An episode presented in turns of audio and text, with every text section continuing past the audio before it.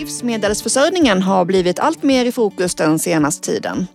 På samma gång som maten blir dyrare och många hushåll måste hålla i plånboken så vill vi värna den svenska produktionen och stärka vår livsmedelsberedskap inför framtida kriser.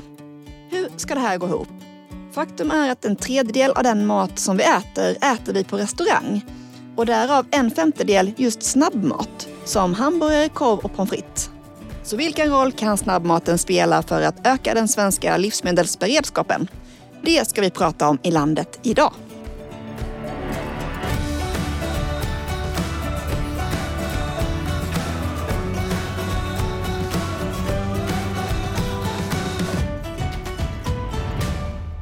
Välkomna till podden Landet. Jag heter Sandra Nergård Petersen och med mig panelen idag för att prata snabbmat och krisberedskap har jag Jakob Ektander, potatisodlare från Skänninge i Östergötland.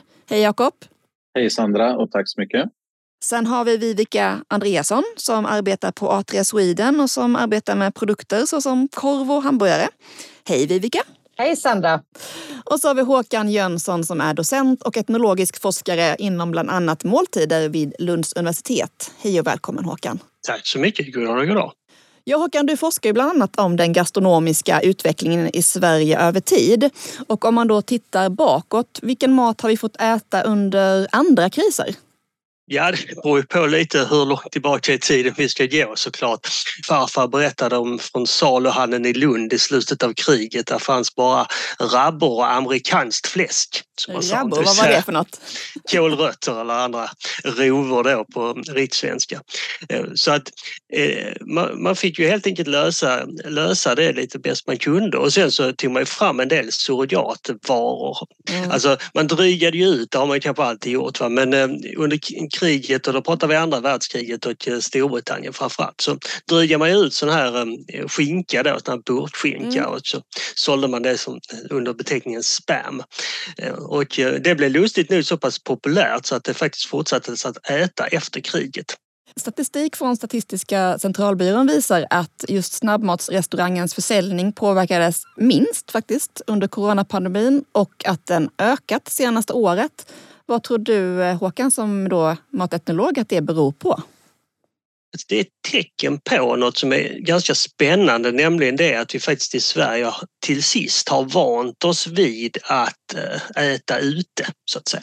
Ja, jag tänker det här med att äta andras lagade mat. Nu ska vi bara först försöka definiera vad snabbmat är idag. Jag tänker utifrån att eh, servicehandeln har förändrats. Bensinmackar idag erbjuder ju liksom långt ifrån bara korv och bröd. Och det finns salladsbuffé i matvarubutikerna. Jo, men det är väldigt spännande det här liksom hur gamla gränser för vad vi definierar kategorier inom löses upp. Ehm, en annan är den här logistiska revolutionen, liksom all, allt som levereras hem till dörren. Ehm, så att mycket kanske av den här snabbmaten, inte minst under pandemin, var ju också sånt som, som kom hem till dörren och åts i hemmet men hade lagat någon annanstans. Ja, och du har Foodora som liksom plockar upp som plötsligt gör att restauranger också nästan blir snabbmat utifrån det perspektivet att du får hem det till ditt hem på ett helt annat sätt.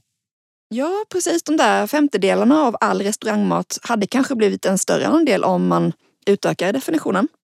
Men Vivica, du som jobbar mot snabbmatssegmentet som gatukök och pizzerior.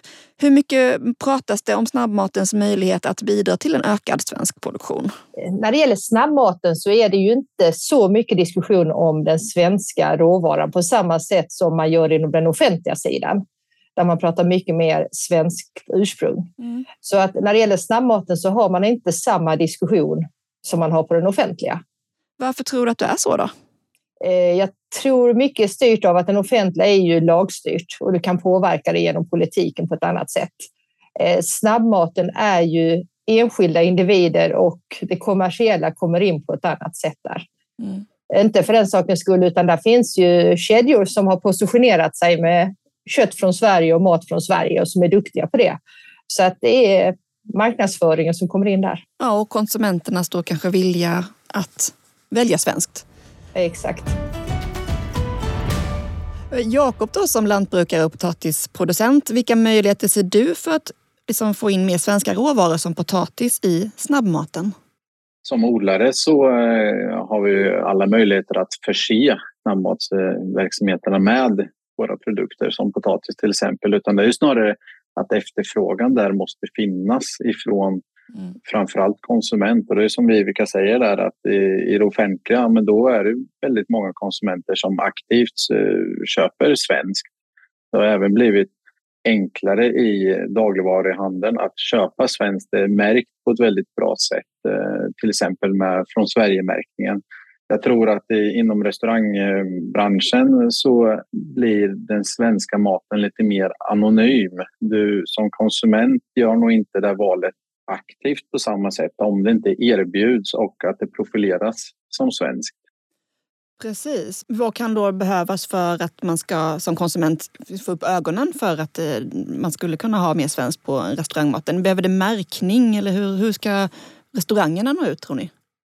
Jag nog, sitter nog inte på facit där, men det har pratats mycket i mina kretsar kring att eh, ja, eh, restauranger ska på menyerna liksom mera promota att eh, ja, den här rätten här innehåller de här svenska råvarorna. Det finns absolut de som gör det, mm. men att det är i större utsträckning. För då kan man som konsument göra ett aktivt val.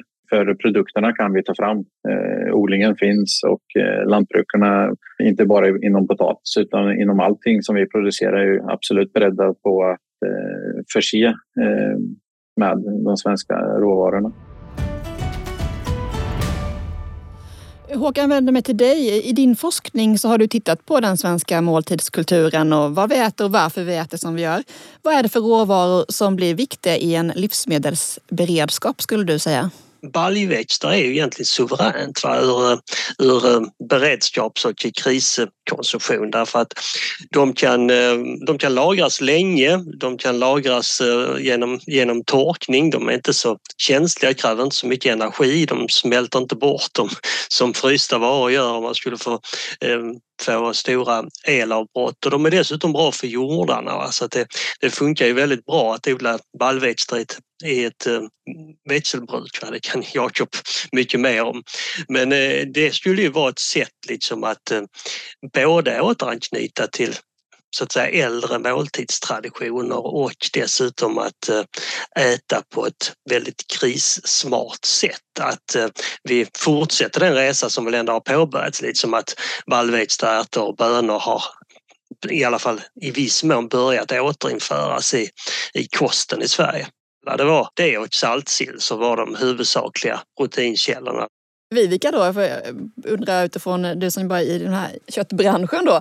Salt, sill och bönor, är det något som ni kan få in i produktionen? Mm. Mm. Så att då, där har vi en liten resa att göra tror jag in i snabbmaten när du går dit för att äta en hamburgare med lite goda pommes frites till och så har vi lite gröna ärtor till. Men det är ju en spännande tanke att börja jobba in. Eller sill och pommes frites kanske? Ja, sill och pommes frites. Ja, och du har ju redan idag falafeln som liksom har gått eh, och blivit en eh, modern snabbmat. Som, eh, och det, det som är bra med den också det är liksom att ingen äter den för att man tänker att man ska vara krismedveten. Då.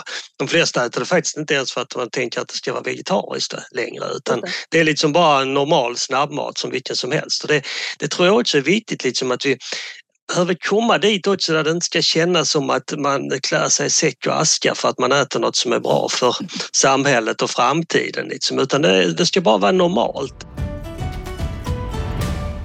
Vivica, som sagt så fortsätter vi ju handla mycket från snabbmatsrestauranger under till exempel pandemin och Ukraina-krisen. Hur tänker du att snabbmatsrestaurangerna kan hjälpa till att trygga tillgången på svenska råvaror i kris?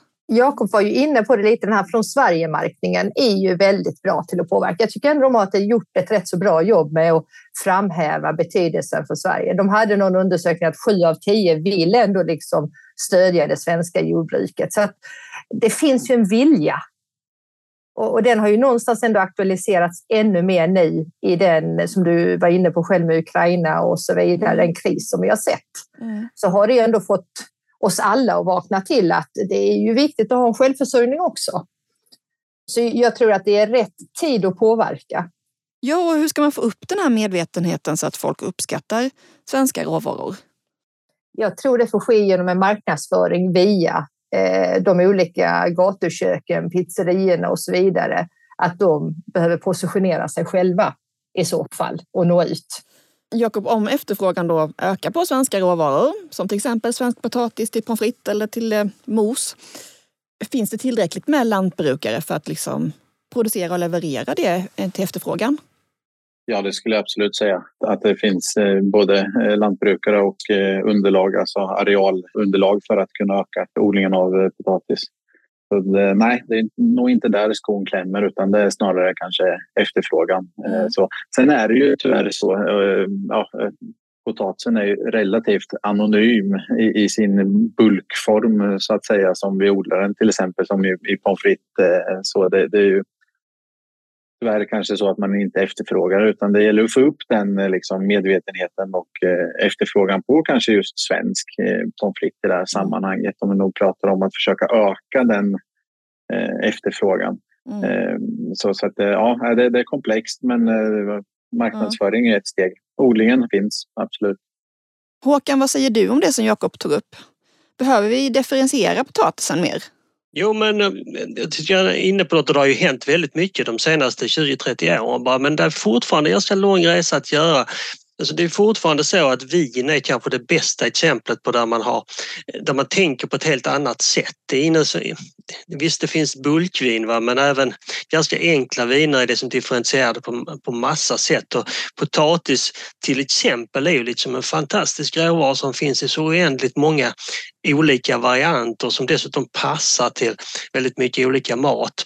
Och där tycker jag att det har, det har väl spridit sig på restauranger. Det finns, det finns åtminstone på de flesta ställen eh, idag mer än fast och mjölig potatis. Man kan i, i bästa fall får man till och med reda på vilken sort det är.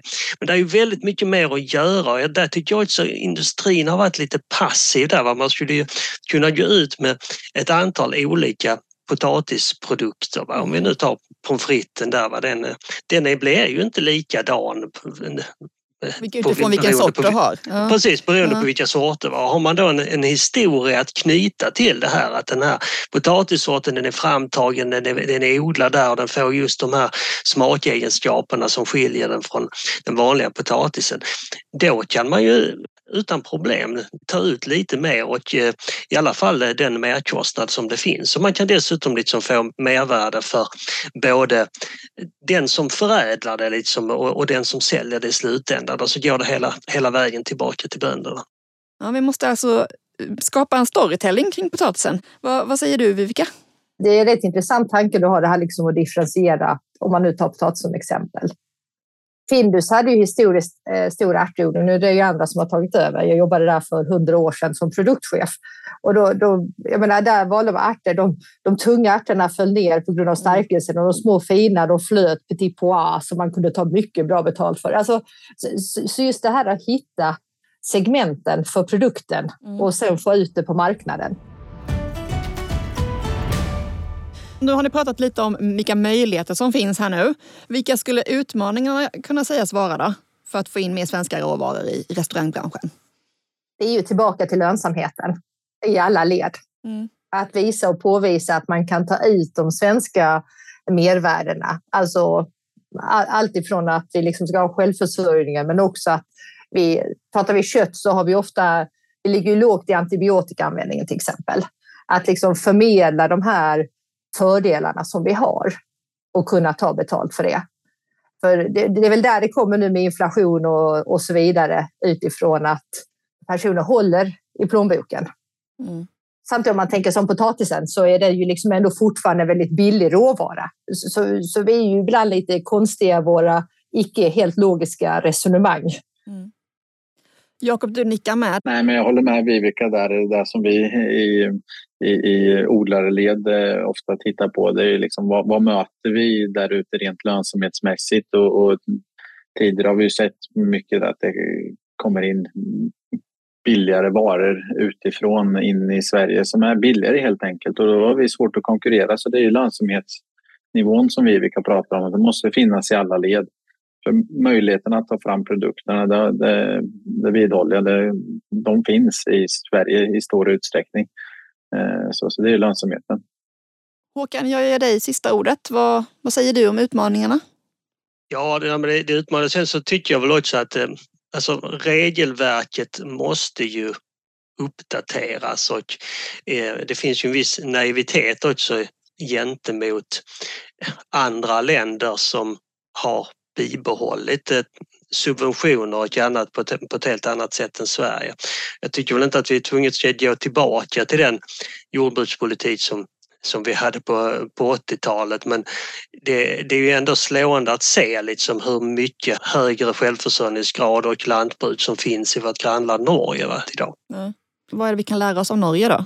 Eh, framförallt tycker jag det generella att det faktiskt finns ett ganska, ganska gemensam övertygelse att en levande landsbygd är bra för landet. Som här är det någon föreställning om att eh, utveckling består i att landsbygden avfolkas. Eh, tyvärr tycker jag att eh, trots alla gröna vågar och, eh, och annat så, så, så ligger den rationaliteten kvar väldigt mycket i den, den övergripande svenska politiken och där tror jag det måste till ett rejält skifte för annars så kommer vi bara en liten bit på vägen. Då säger jag tack till er medverkande. Jakob Ektander, potatisodlare från EV Potatis i Skänninge Vivica Andreasson från Atria Sweden Littells och Håkan Jönsson från Lunds universitet. Tack för att ni var med och bidrog med er kunskap. Tack så mycket. Tack så mycket. Tack. På Landsbygdsnätverkets webb kan du läsa mer om svenska råvaror i restaurangmaten och om varför det är viktigt att bygga upp en stabil livsmedelsproduktion. Tack till er som har lyssnat. Podden Landet görs av Landsbygdsnätverket. Producent var Ingrid Whitelock och jag heter Sandra Nergård Petersen. På återhörande.